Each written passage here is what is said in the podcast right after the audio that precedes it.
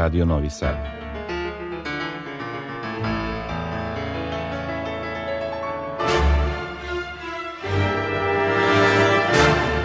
Domaća muzička scena.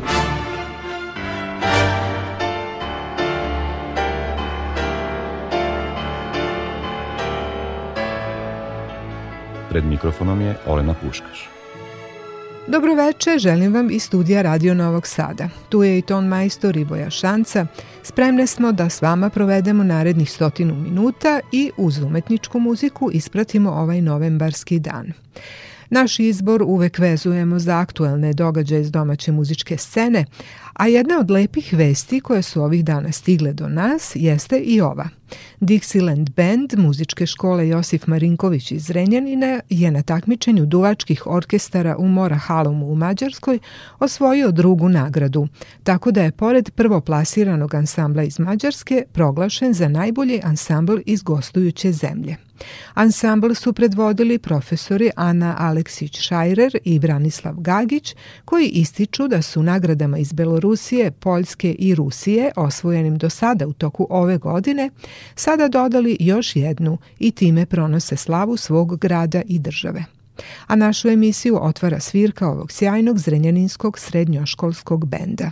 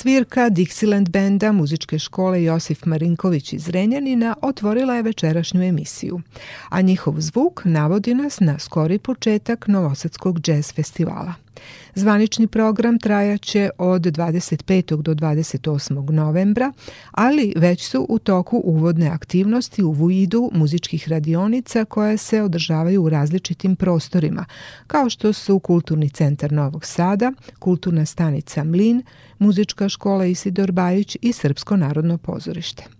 Radionice su pripremila neka od najvećih imena domaće džez scene kao što su Vasil Hadžimanov, Ivan Ilić i Igor Molnar. Neke od radionica predviđene su za buduće džezere, za najmlađe koje će kroz kreativne sadržaje voditi Svetlana Ceca Palada, Jelena Dopuđ i Jovana Dobrijević, dok će 25. novembra u Srpskom narodnom pozorištu biti postavljena i izložba fotografija autora Vladimira Veličkovića. Ovogodišnji glavni program predstavit će neke od najpopularnijih sastava i svetski proslavljene muzičare regionalne džez scene. Modern, klasičan, nesvakidašnji i kvalitetan džez izvodit će se ove godine na maloj sceni Srpskog narodnog pozorišta, a sviraće ansambli iz Srbije, Bosne i Hercegovine, Hrvatske, Slovenije i Mađarske. Uz preporuku da posetite nešto od ponuđenog programa, Mi ćemo vas podsjetiti na jednu saradnju dvoje naših vrhunskih muzičara, jedan iz sveta klasične, a drugi džez muzike. To su Stefan Milenković i Vasil Hadžimanov, koji su zajedno nastupili na promociji nove koncertne dvorane na Limanu januara 2021.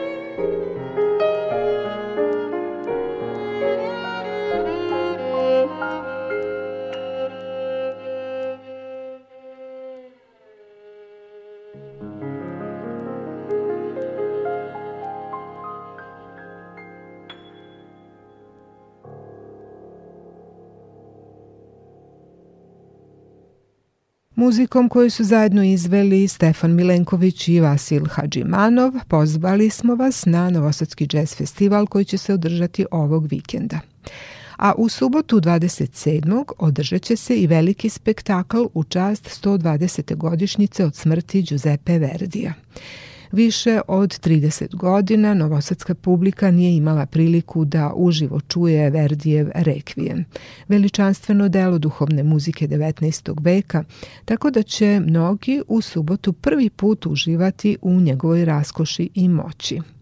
Projekat zajednički realizuju Vojvođanski simfonijski orkestar i hor opere Srpskog narodnog pozorišta, Dirigent će biti Aleksandar Marković, a on sam je, najavljujući ovaj spektakl početkom sezone, ovako predstavio soliste.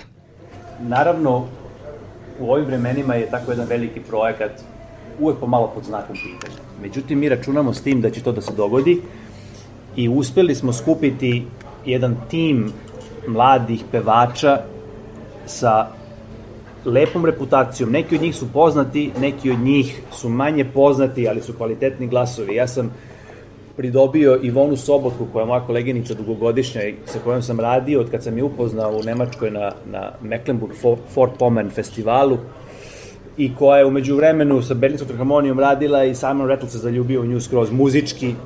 Ovaj, ona će pevati sopran u Verdi Requiemu uz, uz, uz jednog kolegu iz Gruzije, tenora, to se planira i ja se zaista nadam da će nam, da će nam pandemija omogućiti, koju se očigledno polako prilagođavamo, da taj koncert ide dalje i vrlo se radujem e, tom velikom spektaklu. Pored Ivone Sobotke, koju je predstavio maestro Marković, u Verdijevom rekvijemu deonicu mecosoprana tumačiće Višnja Radosav, tenor je Irakli Murije Kneli, a bas Dragoljub Bajić.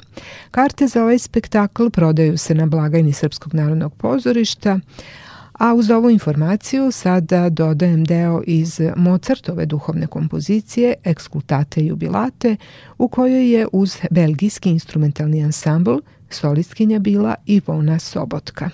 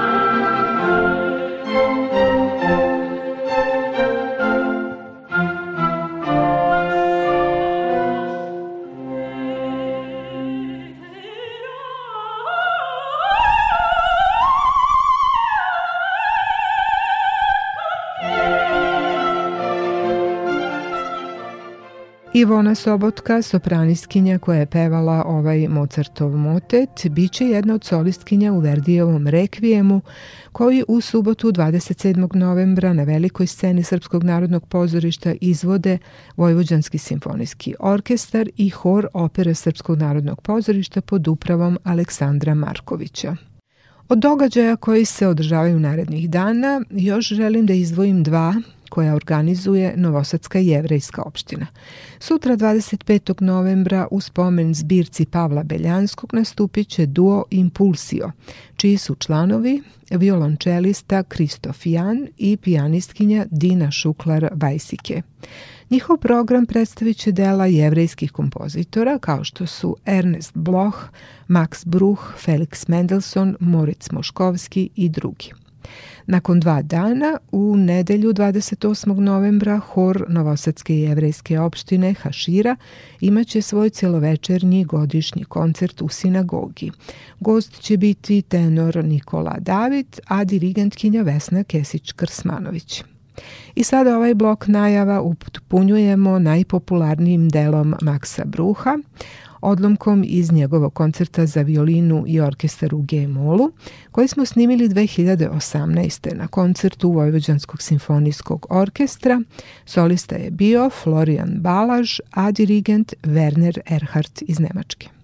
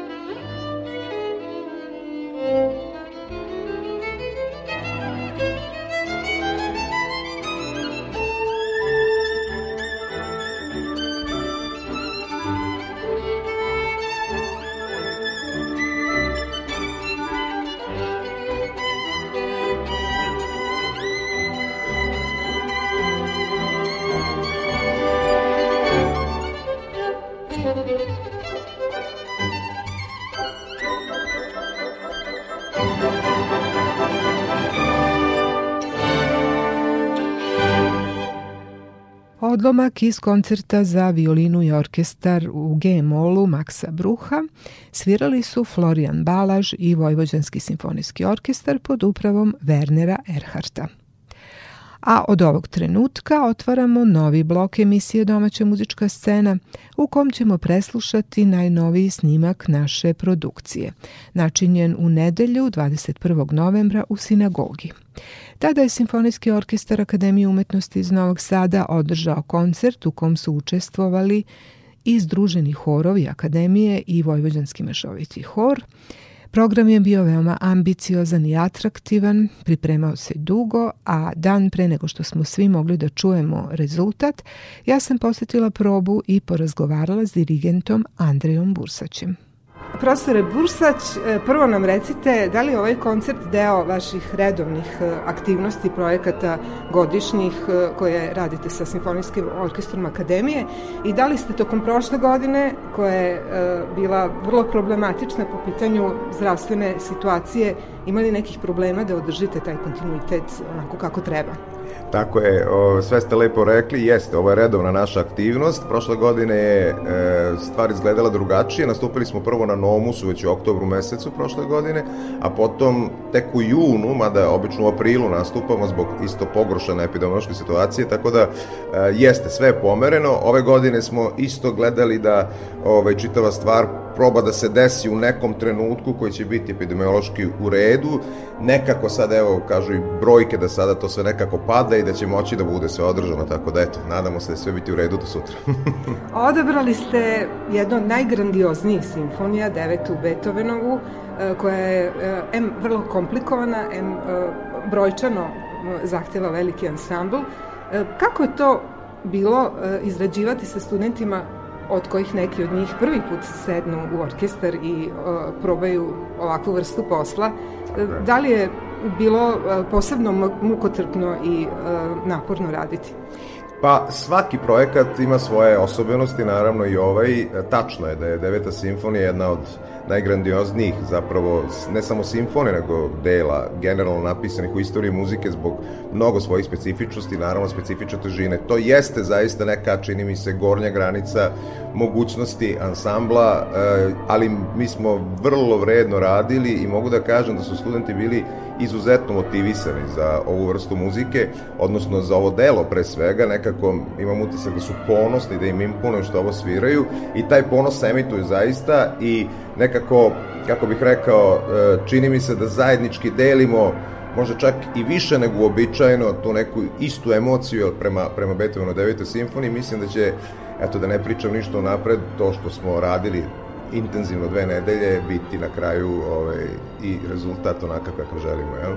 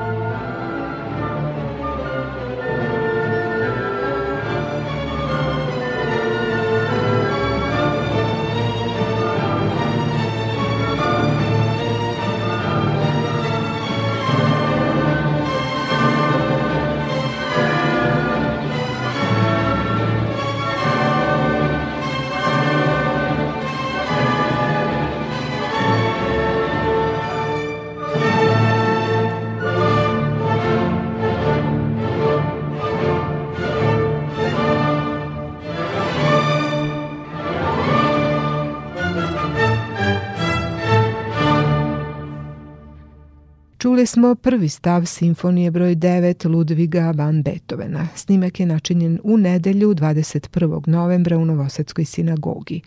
Bio je to projekat Simfonijskog orkestra i hora Akademije umetnosti, ostvaren pod dirigenskim vođstvom profesora Andreja Bursaća.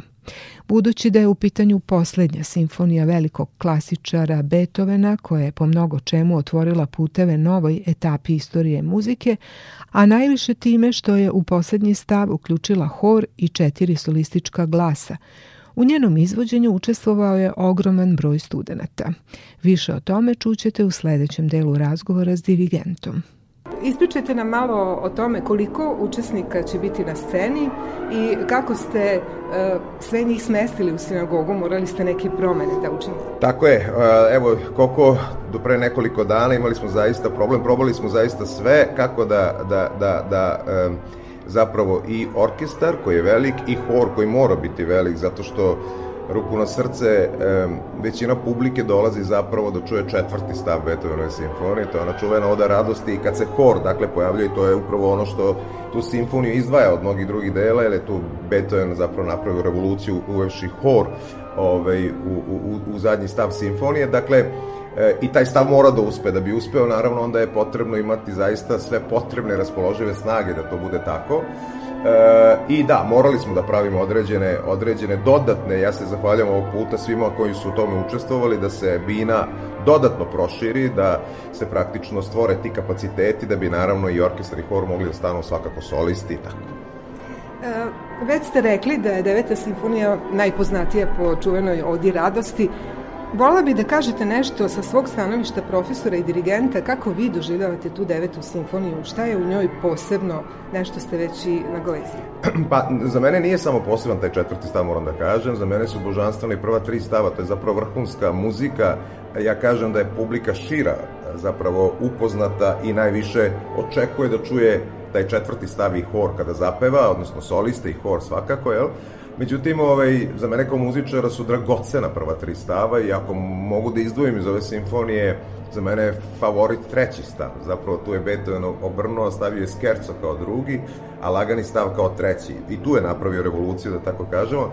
Tako da lagani treći stav u stvari je za mene jedna božanstvena muzika. Tu se čuje koliko Beethoven, koji je tad već ostao bez sluha i koji zapravo dobro patio ceo život, ovo je bio sam kraj, pred kraj njegovog života, ta tiha unutrašnja patnja. Beethoven kad pati ne pati isto kao Čajkovski, Čajkovski pati recimo na drugačiji način, tako kod Beethovena to iznutra i nekako mene mnogo više dira na jedan poseban ljudski način. Eto, Beethoven ima tu ljudsku širinu, ljudsku svest na kraju krajeva ko je, ko je napisao svi će ljudi braće biti nego Beethoven, jel? odnosno iskoristio tekst. Jel?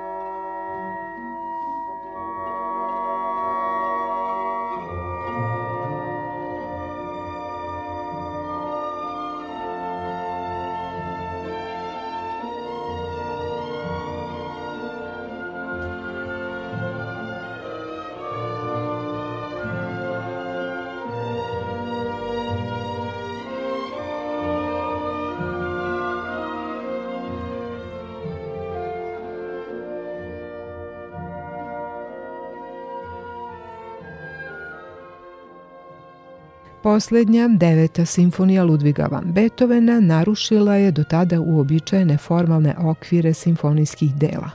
Najpre svojim ogromnim dimenzijama od preko sat vremena trajanja, što do tada nikada nije zabeleženo, a onda i po zameni mesta koja u simfonijskom ciklusu od četiri stava imaju skerco i lagani stav.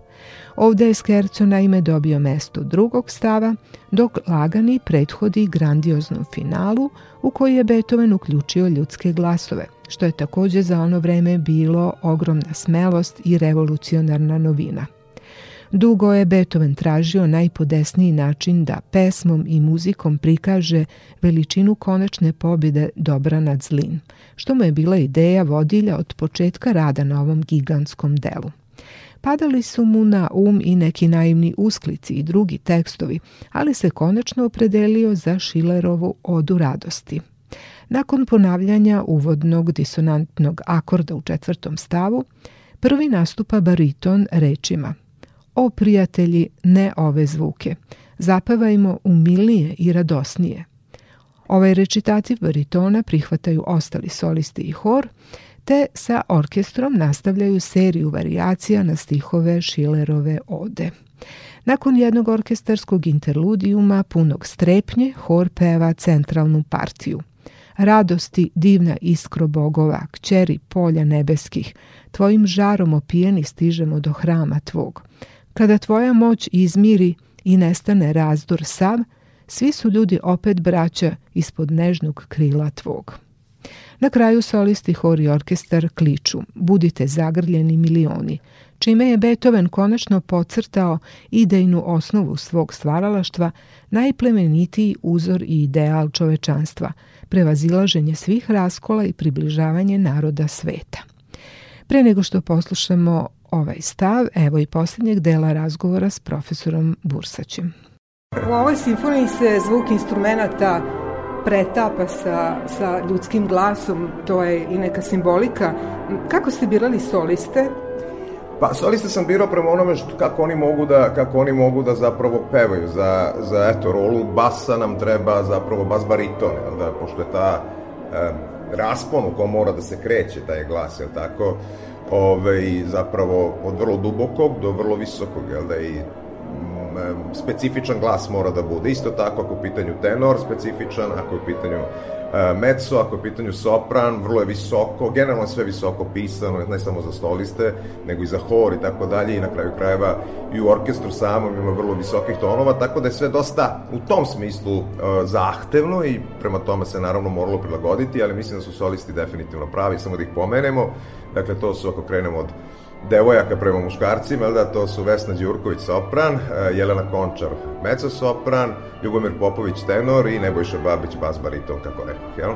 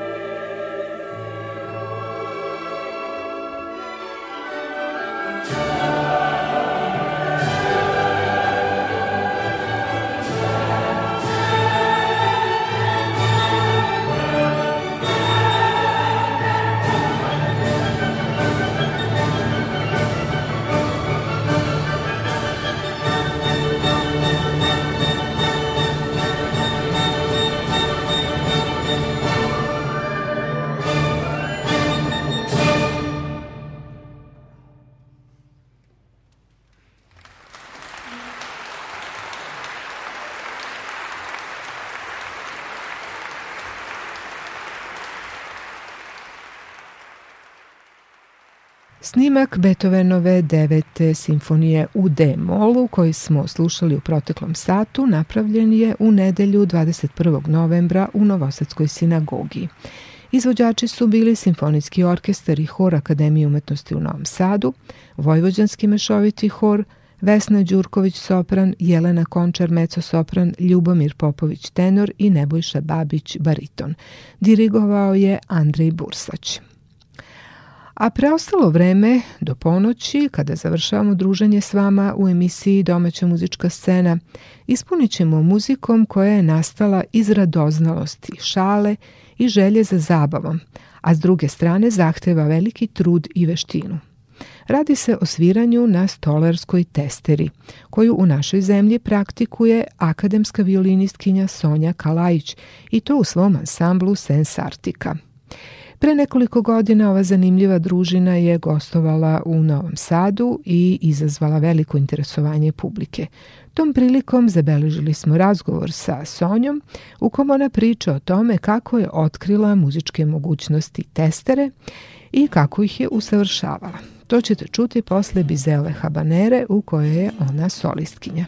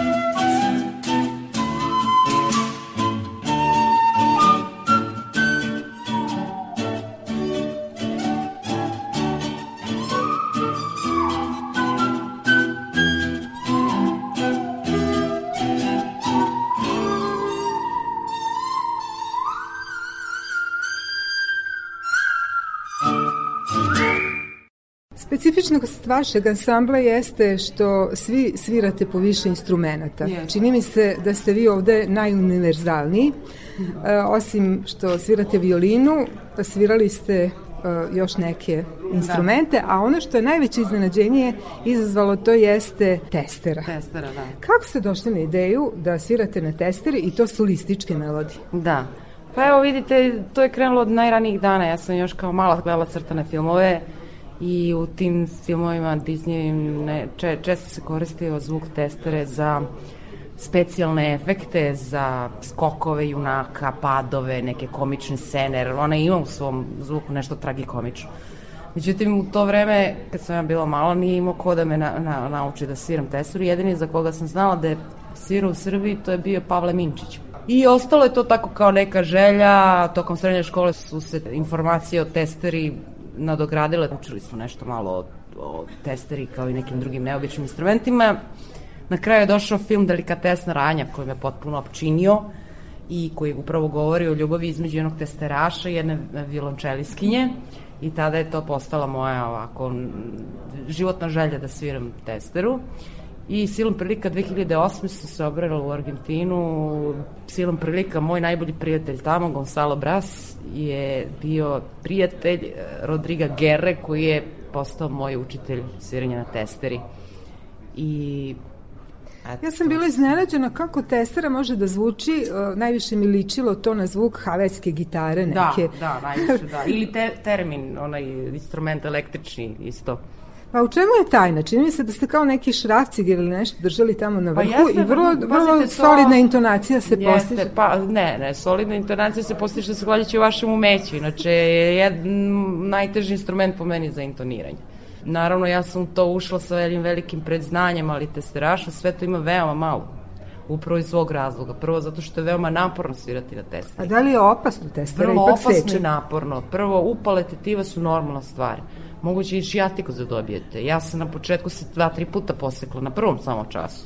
Malo je falilo da odustanem. E, Dobije, dobijate žuljeve na kolenima. Zbog velikog morate mnogo da jačate mišići i trbušni i leđni, da se ne biste mnogo krivili, da vam kičma ne bi stradala. Da jačate noge, da biste isto tako izdržali pritisak to je veliki otpor koji čelik daje prilikom savijenja. Dakle, to nimalo fizički prvo nije lako, a drugo je mm, možda najteže od svega intonirati. Zato testeraša i nema toliko mnogo u svetu. Ja se vodim kao jedina trenutno srpkinja koja koncertno svira. Ali inače kad smo već pomenuli testera, to i da najavim, to će biti prvi CD uh, na Balkanu, te vrste, dakle, testera uz pratnju najrazličitijih sastava. Tu je između osloga i kvartet Sensartika, tu su tu i pijaniskinja Daša Ilić, Boban Bjelić, harmonikaš i tako dalje, veliki broj učesnika. U izdanju izlazi na proleću, u izdanju Metropolis Rekordsa. To je ovako jedna, jedna stvar s kojom mogu da se podičim i naravno svi moji prijatelji, a i naša zemlja, s obzirom da tako nešto na Balkanu još uvek ne postoje. Ovo je Sonja Kalajić rekla kada je sa kvartetom Sensartika gostovala u Novom Sadu 2015. Kompakt disk koji je ona tu upomenula je izašao, zove se So Friendly, a sa njega ćemo sada poslušati valcer Dmitrija Šostakovića koji ona svira u saradnji s harmonikašem Bobanom Bijelićem. Thank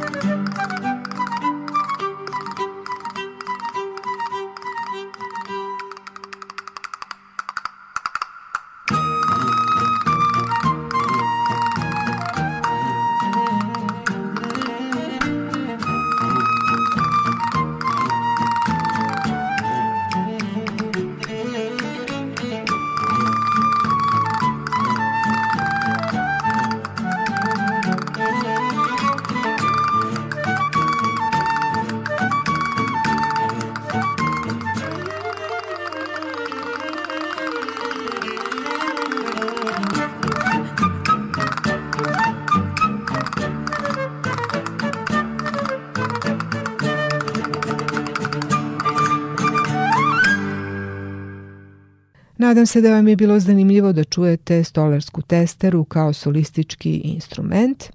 Do ponoći slušamo još nekoliko tačaka iz repertoara Sonje Kalajić, a pre toga ja ću vas pozdraviti u ime ton majstora Iboje Šance. Moje ime je Olena Puškaš.